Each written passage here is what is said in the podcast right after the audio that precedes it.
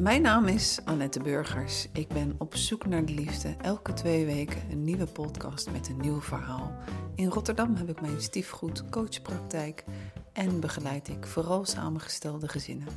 Vandaag zit ik bij Grace. Grace is trouwambtenaar sinds kort en we gaan het hebben over de liefde. Grace, wat is op dit moment jouw relatiesituatie? Ik ben alleenstaand. Ik heb geen relatie. En uh, mag ik je leeftijd vertellen? Jazeker. Ik ben 63. 63. 63. Nou, dat is, het is je sowieso niet aan te zien, Grace. Dankjewel. En uh, nou, hoe kijk jij... Ja, nee, eerst een andere vraag. Wat maakt dat je op je 63ste trouwambtenaar wil worden? Ja, dat is een goede vraag. Ik heb uh, uh, zelf drie duurzame relaties gehad, waarvan twee huwelijken en één geregistreerd partnerschap. Um, ook daar waren stiefkinderen ehm, bij betrokken. Alle drie de relaties zijn uiteraard niet gelukt. Ik ben daarnaast ook uh, schoolleider geweest en heb jarenlang uh, ook allerlei speeches moeten geven en trainingen moeten geven en voor publiek moeten spreken.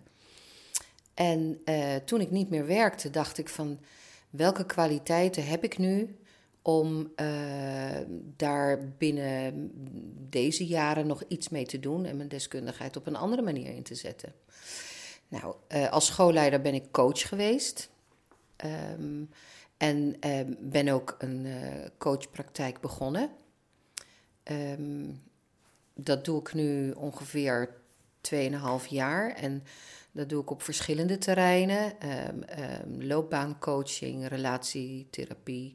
Of tenminste, het is geen therapie natuurlijk, maar begeleiding van communicatieproblemen binnen een relatie, burn-out klachten.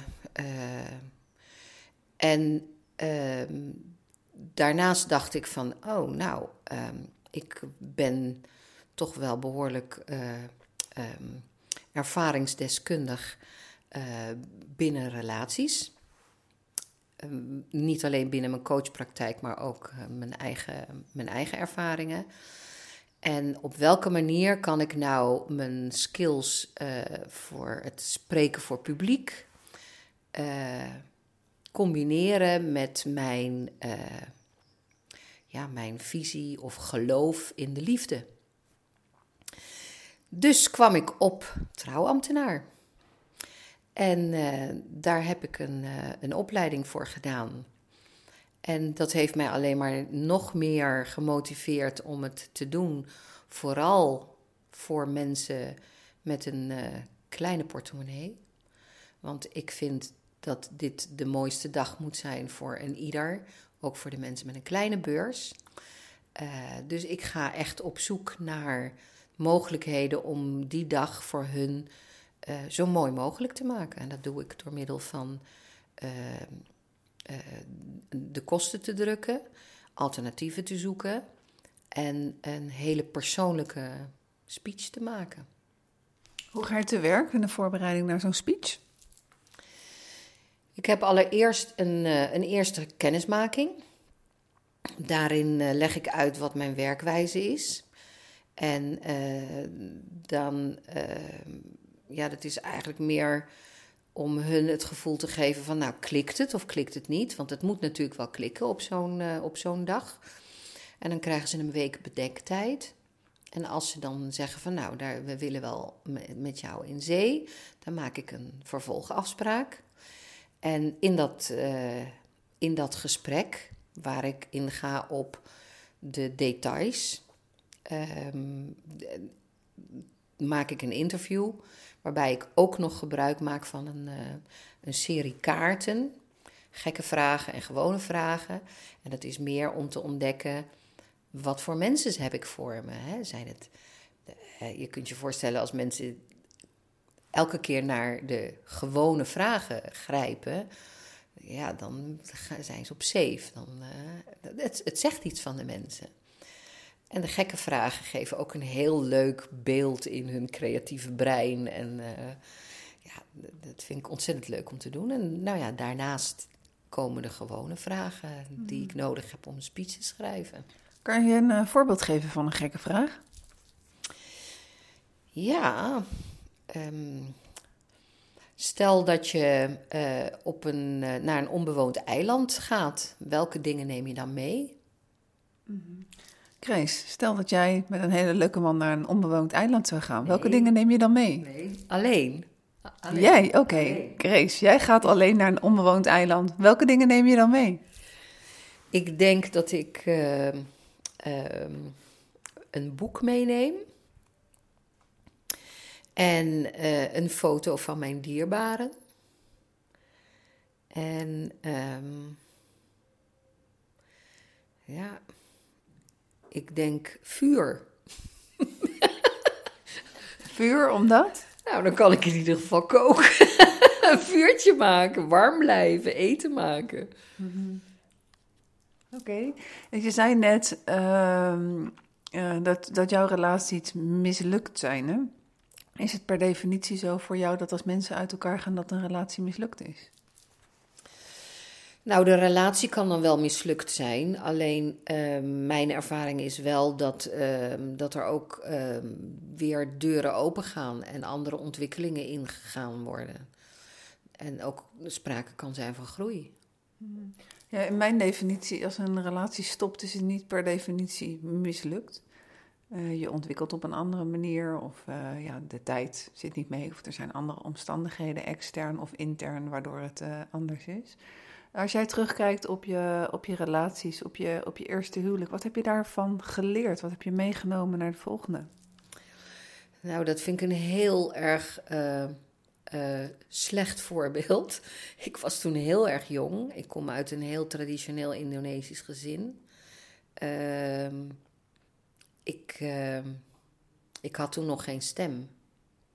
Wat bedoel je met eh, geen stem? Nou, precies zoals ik het zeg. Het, het, ehm, ik had weinig inbreng, ik had weinig persoonlijkheid, ik had weinig eh, ehm, eigen wil. Ik liet me meevoeren. En dat huwelijk is gestrand omdat ik, hij wilde erg graag kinderen. En bij een Indisch gezin is het zeker zo dat de vruchtbaarheid bijzonder belangrijk is.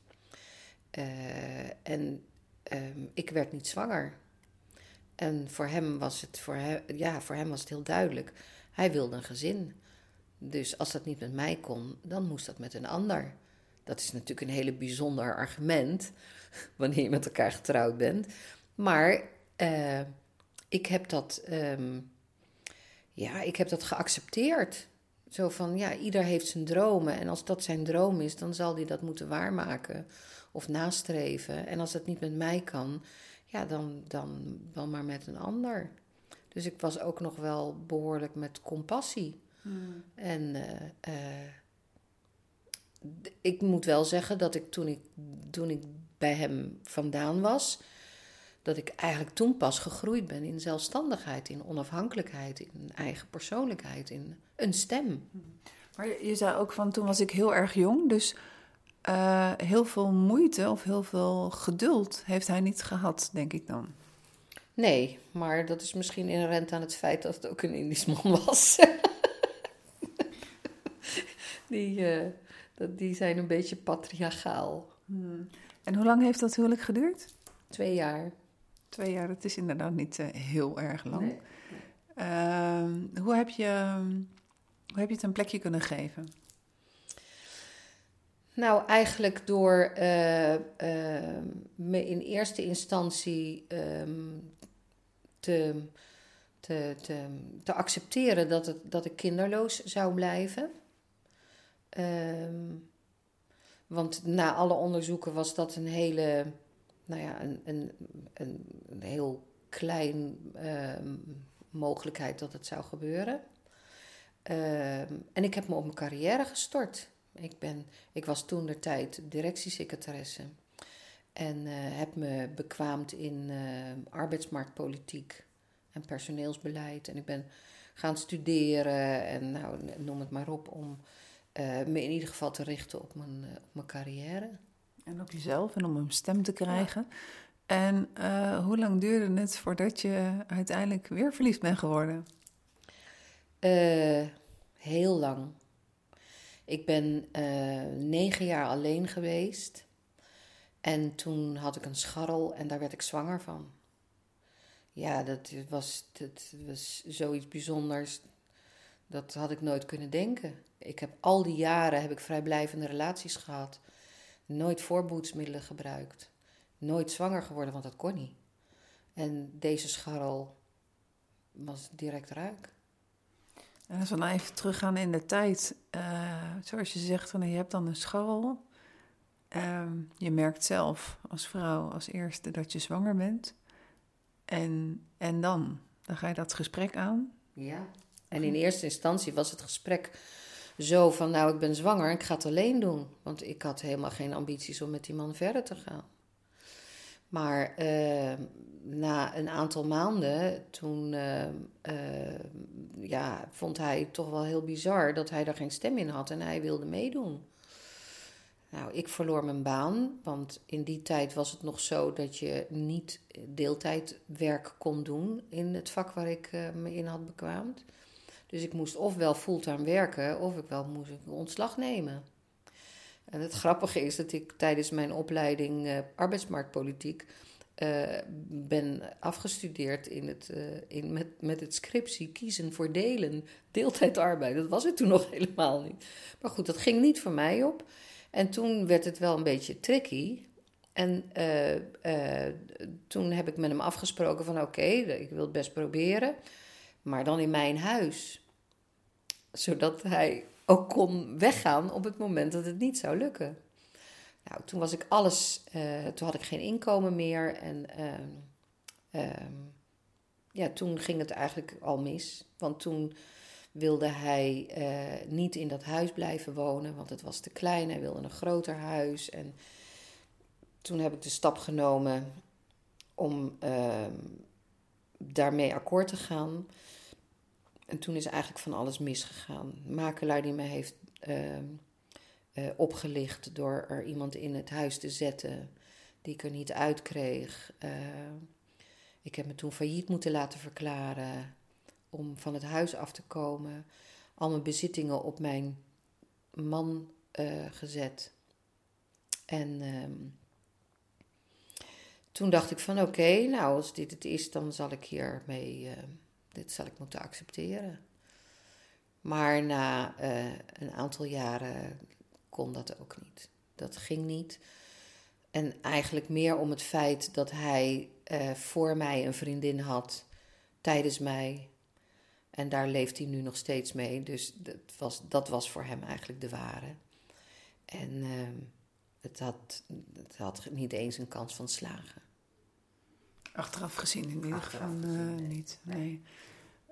Um, jee, en uh, dan, dan komt er een moment dat je besluit uit elkaar te gaan. Kan je dat nog herinneren? Ja, zeker. Dat is een vechtscheiding geweest. Dat was echt heel afschuwelijk. Want zijn vriendin uh, die had wel kinderen, maar die zag ze nooit. En um, ze wilde eigenlijk mijn kind. En mijn ex-man heeft dus ook heel veel moeite gedaan om het kind van mij uh, bij mij weg te krijgen. Dat is gelukkig niet gelukt, maar uh, ik ben um, echt in de nacht vertrokken zonder achterlaten van adres. Uh, heb het huis verlaten en heb mijn zoon meegenomen en had ergens een flat, een appartement gehuurd. En ja, ben eigenlijk gevlucht met sinaasappelkistjes begonnen. En nou, toen heeft het ook wel weer jaren geduurd voordat ik weer verliefd werd. Um, in die tussentijd heb ik natuurlijk wel wat relaties gehad, maar dat waren vooral vrijblijvende relaties. Uh, maar, maar, nog even terug, want dan gaan we de grote stap met de tijd voor mij. Uh, als je dan zo midden in de nacht weggaat, ja, als je echt vlucht en, en hij wordt uh, de volgende ochtend wakker en hij ziet dat jullie weg zijn. Nou, hij was al, niet, hij was al bij zijn vriendin. Hè? Oh. Hij was al het huis uit, en, maar hij stond elke dag wel op de stoep. Met het gevolg dat je op een gegeven moment moet kiezen van ga ik de politie inschakelen om hem weg te halen, want dit is heel onrustig voor het kind. En daarom heb ik besloten van nou, dat wil ik, dat wil ik hem besparen. Ik ga weg. Dus ik heb een, een flat gehuurd en ik ben toen in een, op een avond, waarop ik dus weet dat hij er dan niet is, heb ik de hele boel verhuisd. Wat, mijn persoonlijke bezittingen en mijn kind. En uh, ben in dat appartement getrokken. En dat accepteerde hij zomaar? Nou, hij kon niet anders, want ik had verder geen adres achtergelaten. En toen bestonden er ook nog geen mobiele telefoons. Dus uh, um, ik heb met briefjes uh, aangegeven wanneer de bezoekregeling plaatsvond en waar uh, de, de overdracht zou plaatsvinden. En ehm, wel elke keer gezorgd dat ik een backup had om te zorgen dat ik ook echt mijn kind terugkreeg. Ehm, maar het, het was een, een, verschrikkelijke situatie. Want voordat ik vertrok, uh, was het zo dat ik. Ik moest natuurlijk tegemoetkomen aan de bezoekregeling. En dat ging dus op de volgende manier. Ik moest het huis uit. Uh, uh, dan bezocht hij. Dan zat hij het weekend in ons ouderlijk huis met mijn kind. Maar daar kwam zijn vriendin mee. En die sliep dus in mijn bed. En die rommelde in mijn keuken. Die, van alles. En dan s'avonds, op zondagavond, als ik dan weer terugkwam, dan was de overdracht. En dan waren ze, nou, de, de laatste keer dat ik dus de beslissing nam om weg te gaan, dat was op het moment dat uh, ze nog niet klaar waren met eten. En toen moest ik wachten in de slaapkamer. En ik zat daar in de slaapkamer en op een gegeven moment dacht ik, ja, barst. Dus ik ben de woonkamer ingelopen en ik zeg van nu is het klaar. Je kunt vertrekken, ik neem het over. En toen wilde hij zijn kind niet afstaan. En hij heeft dat kind, mijn kind, overgedragen aan zijn vriendin. Zo van neem het mee. Nou, en toen ben ik echt als een leeuwin tekeer gegaan. En toen heb ik er ook bedreigd met een mes. Dat ze het kind moest afstaan. En dat heeft ze gedaan. En toen ben ik het huis uitgelopen met mijn kind. En ben naar mijn ouders gegaan. En dat was het moment voor mij om te beslissen van... En nu ga ik weg. Wauw, ik ben er gewoon even stil van. Dat wist ik niet. Uh, we kennen elkaar natuurlijk al uh, heel lang. Uh, ik kan me voorstellen dat, je, dat er dan iets, iets, iets gebeurt in je waarvan je zegt van nou, dit uh, accepteer ik niet meer. hoe oud was jullie zoontje toen? Nog geen drie. En nou, toen ging je weg via je ouders of naar je ouders. Um, hoe heb je dit allemaal een plek kunnen geven? Ja, nou in de eerste plaats moet je door, want je hebt een kind en je, ik werd volledig uh, in beslag genomen met het opbouwen van een bestaan alleen met mijn zoon. Uh, ik had geen werk. dat was ook altijd het argument wat hij hanteerde: van nou, als je weg wil, waar wil je heen? Wat, wat, heb je nou? Je hebt helemaal niks. Nou, dat moet je natuurlijk niet tegen mij zeggen, want dan zal ik er wel voor zorgen dat ik wat heb. Maar ik had dus geen werk. Die flat die heb ik gehuurd met het oog op een uitkering. Uh, met mijn ouders als borg.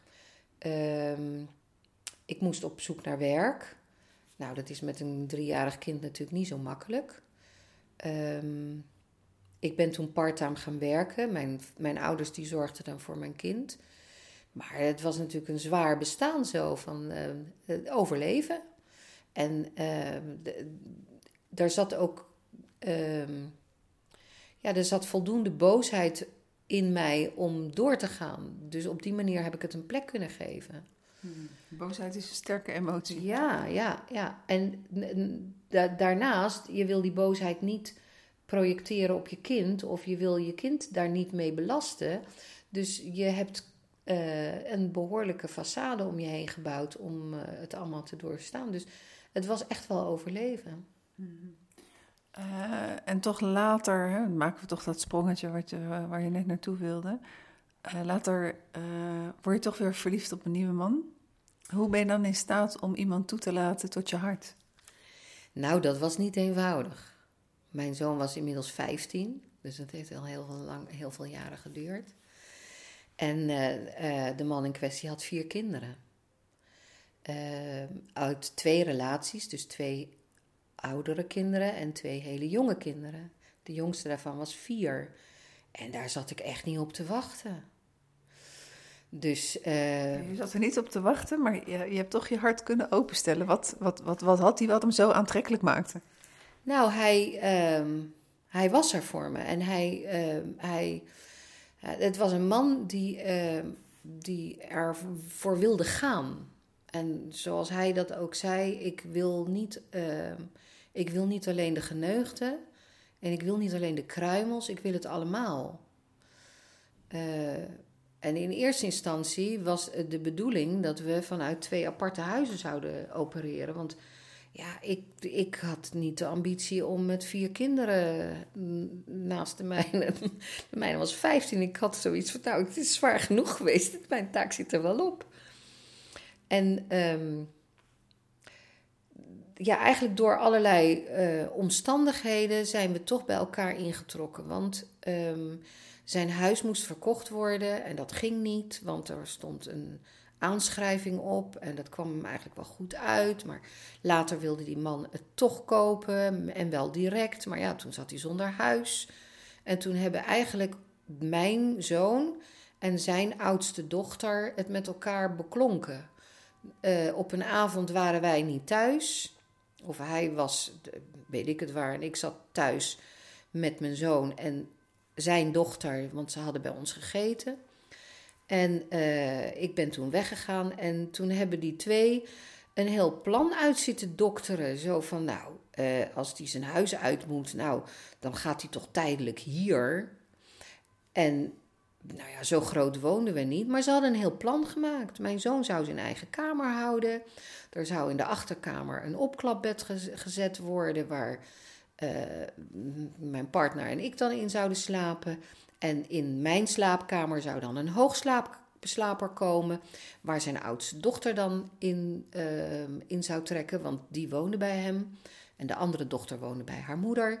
En als de kleintjes kwamen, waar die co-ouderschap kwam, uh, van had, dan, zou die, dan zouden die bij zijn oudste dochter onder de hoogslaper op een slaapbank kunnen slapen. Nou, kinderen hadden het helemaal beklonken. Mm -hmm. En daar stond ik wel heel erg van te kijken.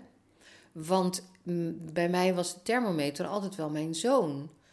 Als hij daar zijn akkoord in zou geven, dan zegt dat wel wat. Dus uh, nogmaals, wij hadden het plan om dat tijdelijk te laten zijn. En dat was het ook. We hebben dat een, nou, ik geloof een half jaar hebben we dat zo gedaan. En toen, uh, in die tijd, is hij natuurlijk ook op zoek gegaan naar andere huizen voor, voor hem en zijn kinderen. En daar hadden we er dus eentje gevonden. Notabene twee portieken verder dan mijn huis. En uh, daar, zijn ze, daar zijn ze gaan kijken en dat was hartstikke leuk, uh, maar nog volledig in de oude staat. En mijn huis was al helemaal opgeknapt. En ehm, dat huis dat ging voor een vermogen weg. Waarop mijn, zei, mijn zoon zei van, nou mam, nou ben je toch wel een beetje debiel bezig. Want waarom zou je dan dit huis niet verkopen en een groter huis kopen waar, jullie met, met, waar we met z'n allen in kunnen wonen? Want als je zoveel winst maakt, nou dan ben je een dief van je eigen portemonnee. En ik had zoiets van, weet je wel wat je zegt?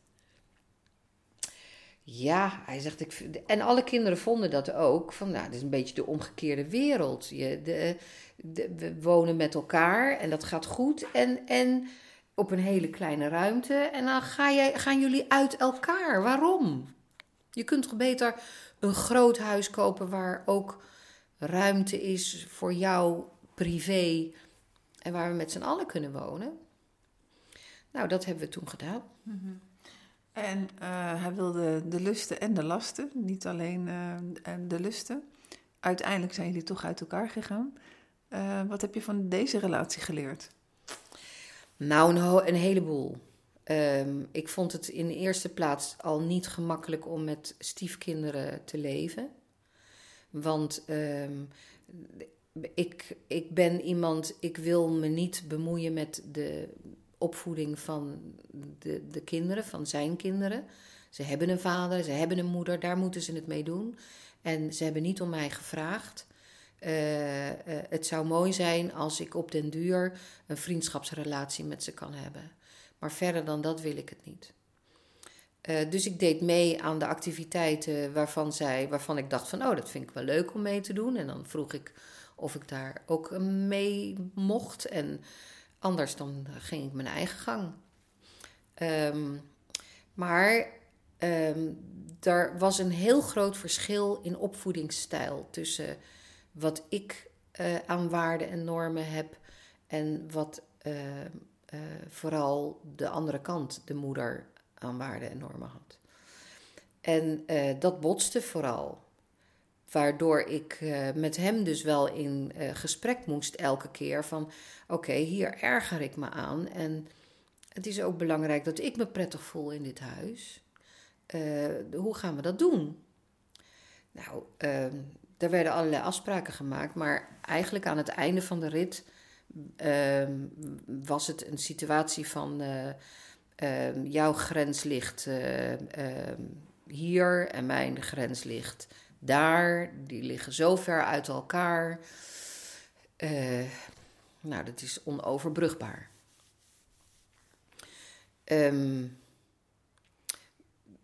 ik, heb er, ik heb eigenlijk alles fout gedaan wat je maar kunt doen wanneer je met een, met een, een, een partner in zee gaat, uh, waarbij kinderen een, een, een, samengesteld gezin moet gaan vormen.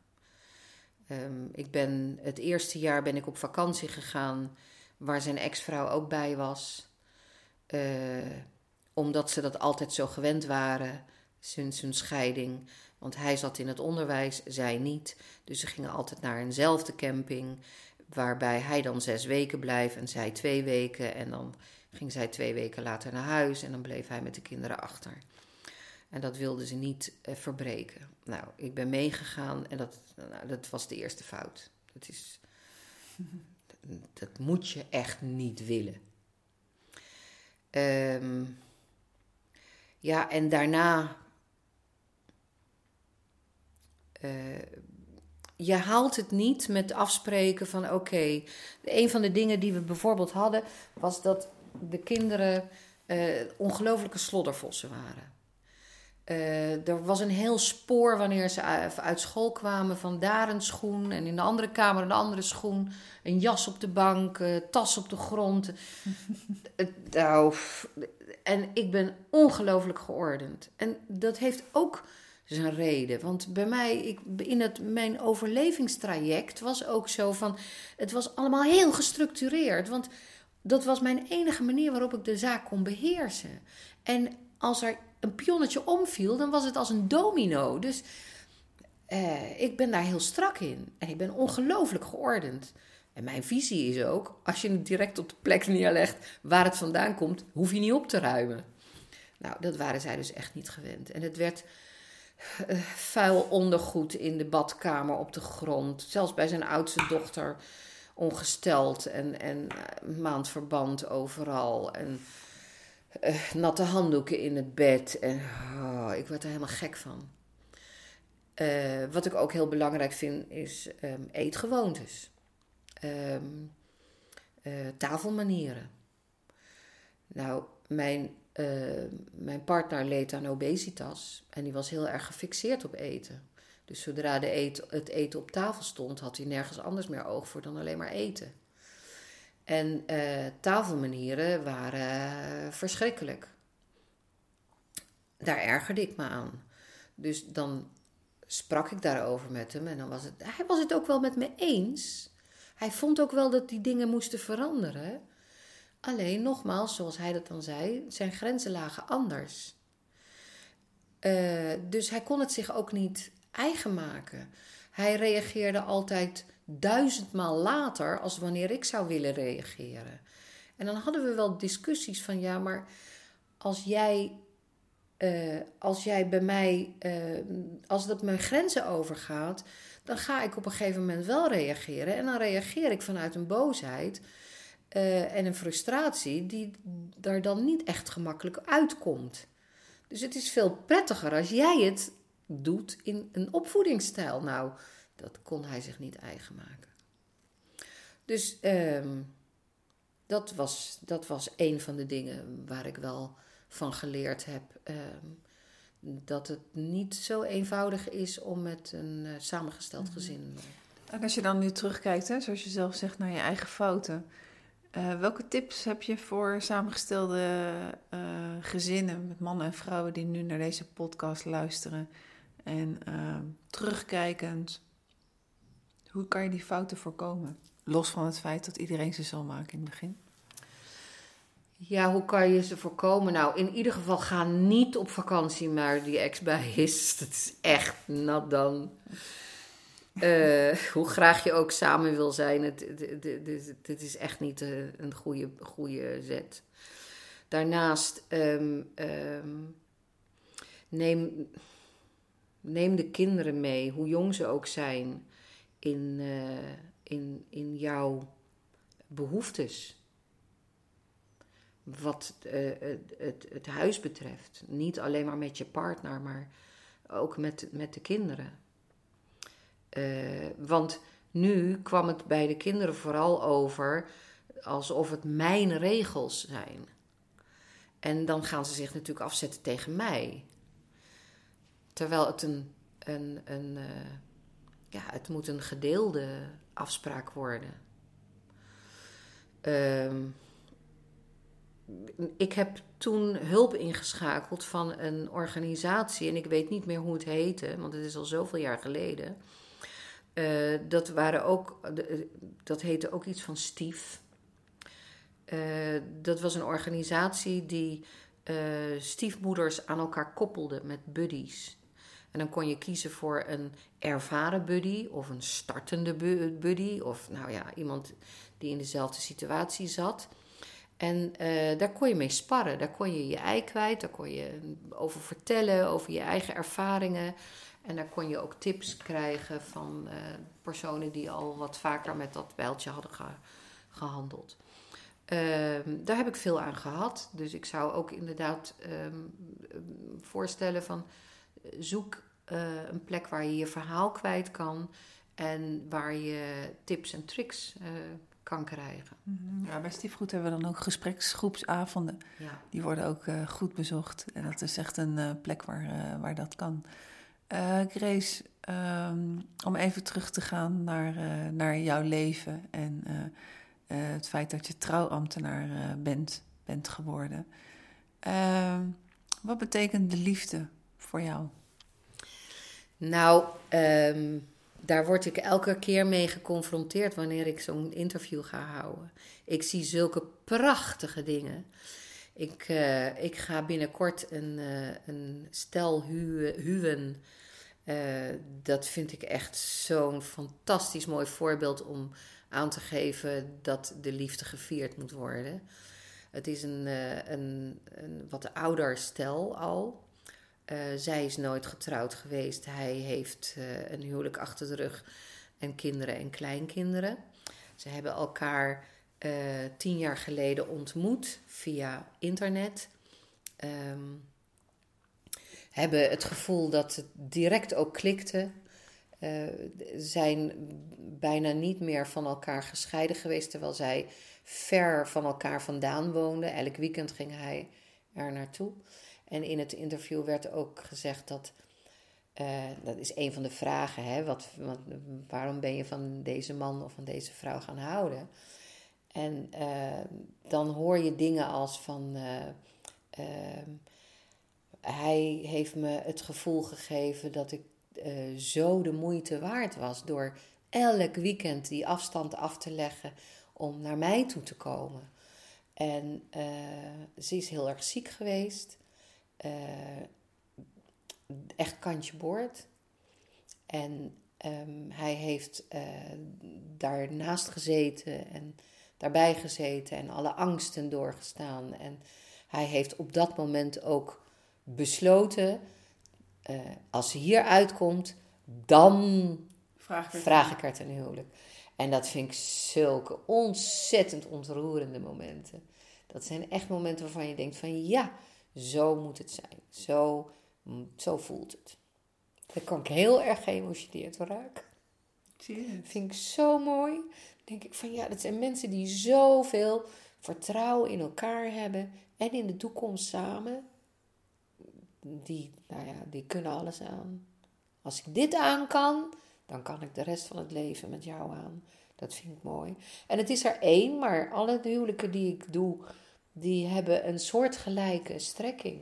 En dat denk ik van ja, het bestaat. En mooi dat jij er dan op zo'n manier een, een onderdeel van kan zijn om ze een, uh, een mooie dag mee te geven. Ja. En dat vind ik ook het belangrijke van dat zo'n speech en zo'n dag, dat moet ook het verhaal zijn van de liefde, van wat hun verbindt en uh, waardoor ze zoveel vertrouwen hebben in elkaar en in de toekomst samen. Hoe kunnen mensen jou vinden als ze, als ze getrouwd willen worden door jou? Ja, uh, dat is nu nog een beetje uh, ingewikkeld, want uh, ik mag nog niet verdienen. Dus ik doe dit vooral gratis. Okay, maar dan hebben we wel een oplossing. Mocht je deze podcast luisteren, mail naar annette.stiefgoed.nl en ik weet hoe je, hoe je Grace kan bereiken. Ja, dat is de enige manier. De eerstkomende jaren zal ik zeker werken aan een netwerk en uh, uh, het verzamelen van fotomateriaal om een website te bouwen. Dat is dus de enige tegenprestatie die de mensen moeten doen. Ze moeten mij de beschikking geven over goede foto's die ik kan gebruiken voor mijn website. En uh, op het moment dat ik dan werkelijk kan gaan verdienen, dan kan ik gelijk de wereld in met een website. Nou, mooi, Grace. Mooi ook om af te ronden hiermee. Uh, heel veel succes met, uh, met het trouwen. Met, uh, lijkt me echt. Volgens mij ben je ook perfect om, om te trouwen. Mocht ik ooit nog eens gevraagd worden, dan ben ik je in ieder geval te vinden. Bedankt voor je openhartigheid en voor het delen van je ervaringen. Dankjewel. Jij ook bedankt. En voor de luisteraar, over twee weken dan is er weer een nieuwe podcast.